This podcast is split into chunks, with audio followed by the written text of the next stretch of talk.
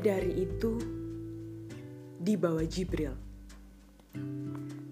Ditulis oleh Kiai Haji Mustafa Bisri atau Gusmus. Dibacakan Geril Farah.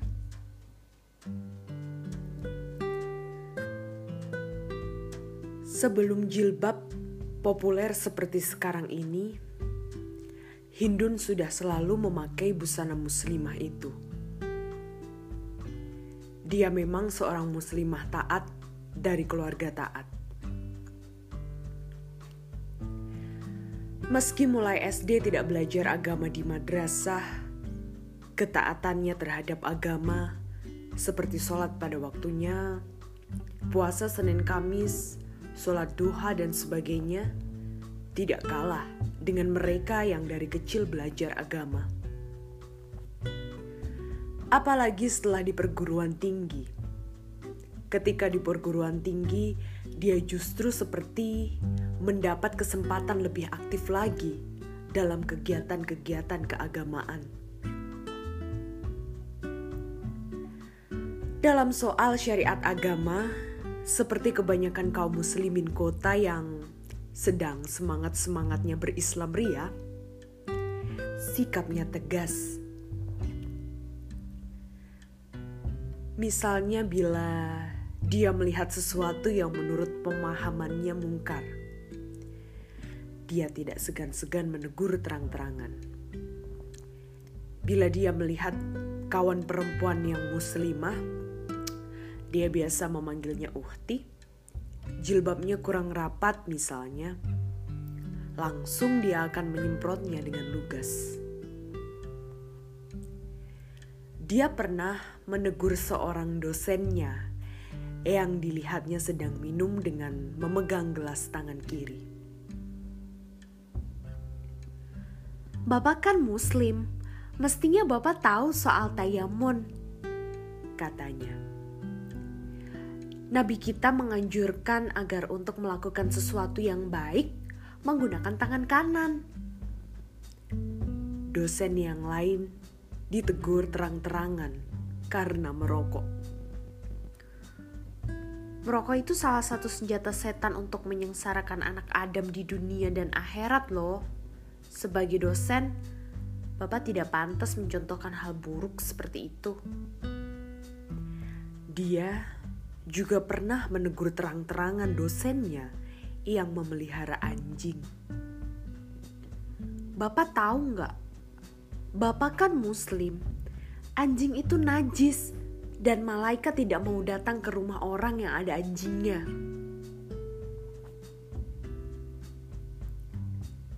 Di samping ketaatan dan kelugasannya, apabila berbicara tentang Islam, Hindun selalu bersemangat. Apalagi bila sudah bicara soal kemungkaran dan kemaksiatan yang merajalela di tanah air yang menurutnya banyak dilakukan oleh orang-orang Islam. Wah, dia akan berkobar-kobar bagaikan banteng luka. Apalagi bila melihat atau mendengar ada orang Islam melakukan perbuatan yang menurutnya tidak rasional. Langsung dia mengecapnya sebagai klinik atau bahkan syirik yang harus diberantas. Dia pernah ikut mengkoordinasi berbagai demonstrasi, seperti menuntut ditutupnya tempat-tempat yang disebutnya sebagai tempat-tempat maksiat, demonstrasi menentang sekolah yang melarang muridnya berjilbab, hingga demonstrasi menuntut diberlakukannya syariat Islam secara murni.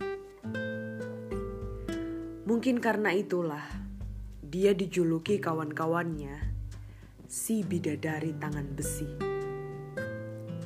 Dia tidak marah, tetapi juga tidak kelihatan senang dijuluki begitu. Yang penting menurutnya, orang Islam yang baik harus selalu menegakkan amar makruf nahi mungkar di mana pun berada. Harus membenci kaum yang ingkar dan menyeleweng dari rel agama.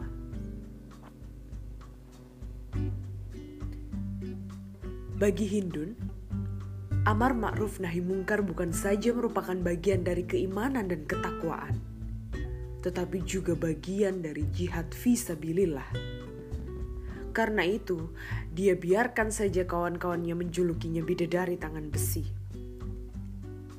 Ketika beberapa lama kemudian dia menjadi istri kawanku, Mas Danu, ketaatannya kian bertambah.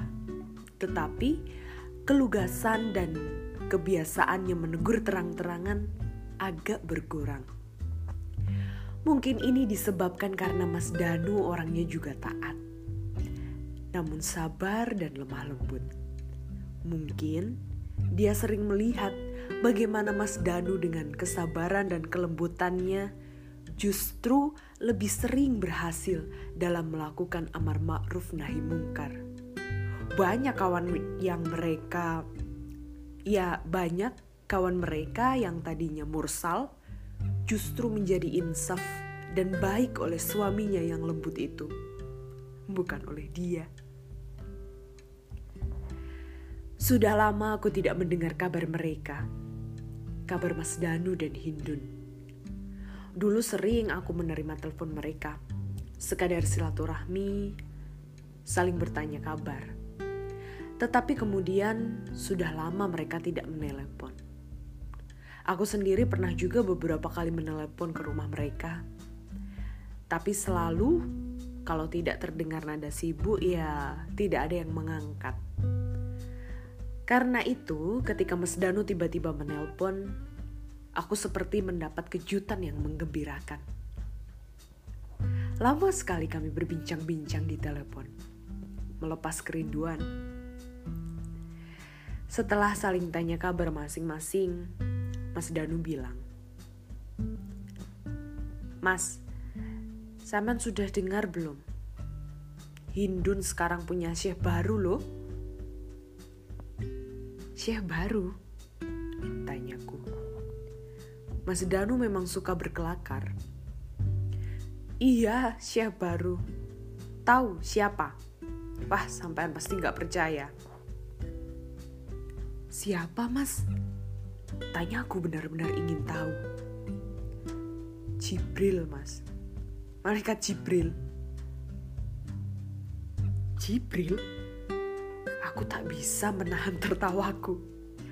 Jibril. Kadang-kadang sahabatku ini memang sulit dibedakan apakah sedang bercanda atau tidak. Loh, jangan ketawa, ini serius. Wah, katanya bagaimana rupanya? Aku masih kurang percaya. Dia tidak cerita rupanya, tetapi katanya Jibril itu humoris seperti sampean. Saya ngakak. Tetapi di seberang sana Mas Danu kelihatannya benar-benar serius. Jadi ku tahan-tahan juga tawaku. Mas, bagaimana ceritanya? ya mula-mula dia ikut grup pengajian kan di tempat kami sekarang lagi musim grup-grup pengajian ada pengajian eksekutif pengajian seniman pengajian pensiunan dan entah apa lagi nah lama-lama gurunya itu didatangi malaikat Jibril. Dan sekarang malaikat Jibril itulah yang langsung mengajarkan ajaran-ajaran dari langit loh. Sedangkan gurunya itu hanya dipinjam mulutnya. Bagaimana mereka tahu bahwa yang datang itu malaikat Jibril?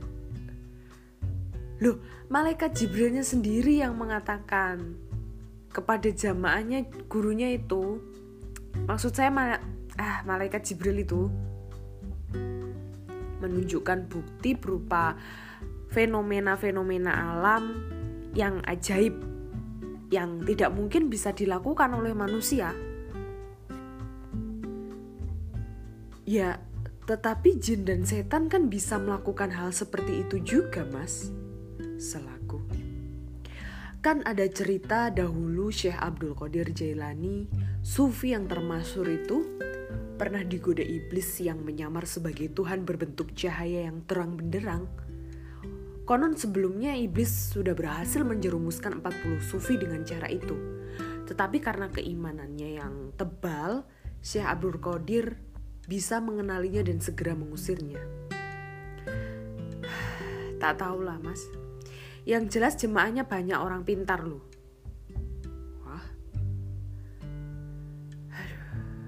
Ketika percakapan akhirnya disudahi dengan janji Mas Danu dia akan terus menelpon bila sempat, Aku masih tertegun. Aku membayangkan sang bidadari bertangan besi yang begitu tegar ingin memurnikan agama itu, kini hanya menjadi pengikut sebuah aliran yang menurut banyak orang tidak rasional dan bahkan berbau klinik.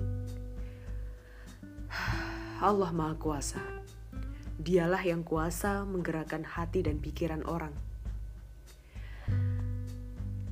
Beberapa minggu kemudian, aku mendapat telepon lagi dari sahabatku Mas Danu.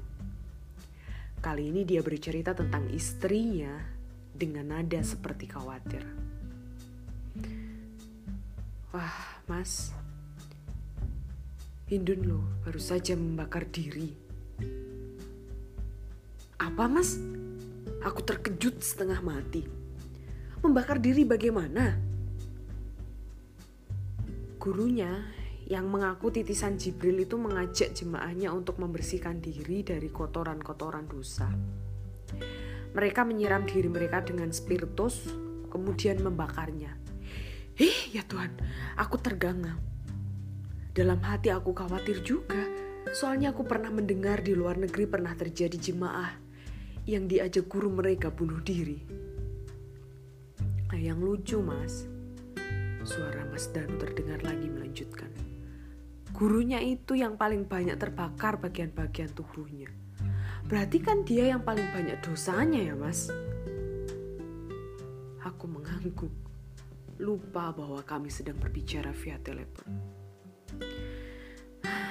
Doakan saja mas. Kata sahabatku di seberang menutup pembicaraan. Beberapa hari kemudian, Mas Danu menelponku lagi, menceritakan bahwa istrinya kini jarang pulang. Katanya ada tugas dari Syekh Jibril yang mengharuskan jemaahnya berkumpul di suatu tempat. Tugas berat, tetapi suci.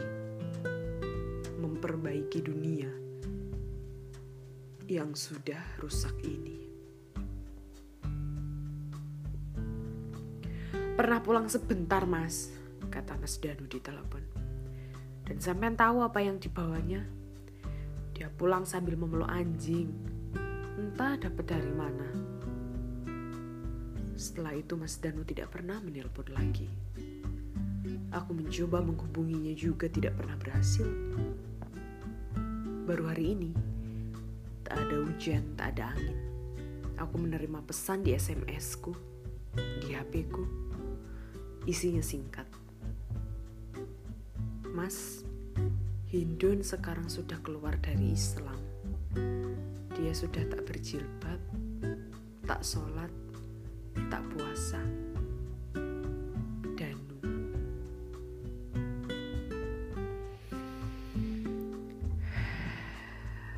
Tidak bisa membayangkan bagaimana perasaan Mas Danu saat menulis SMS itu.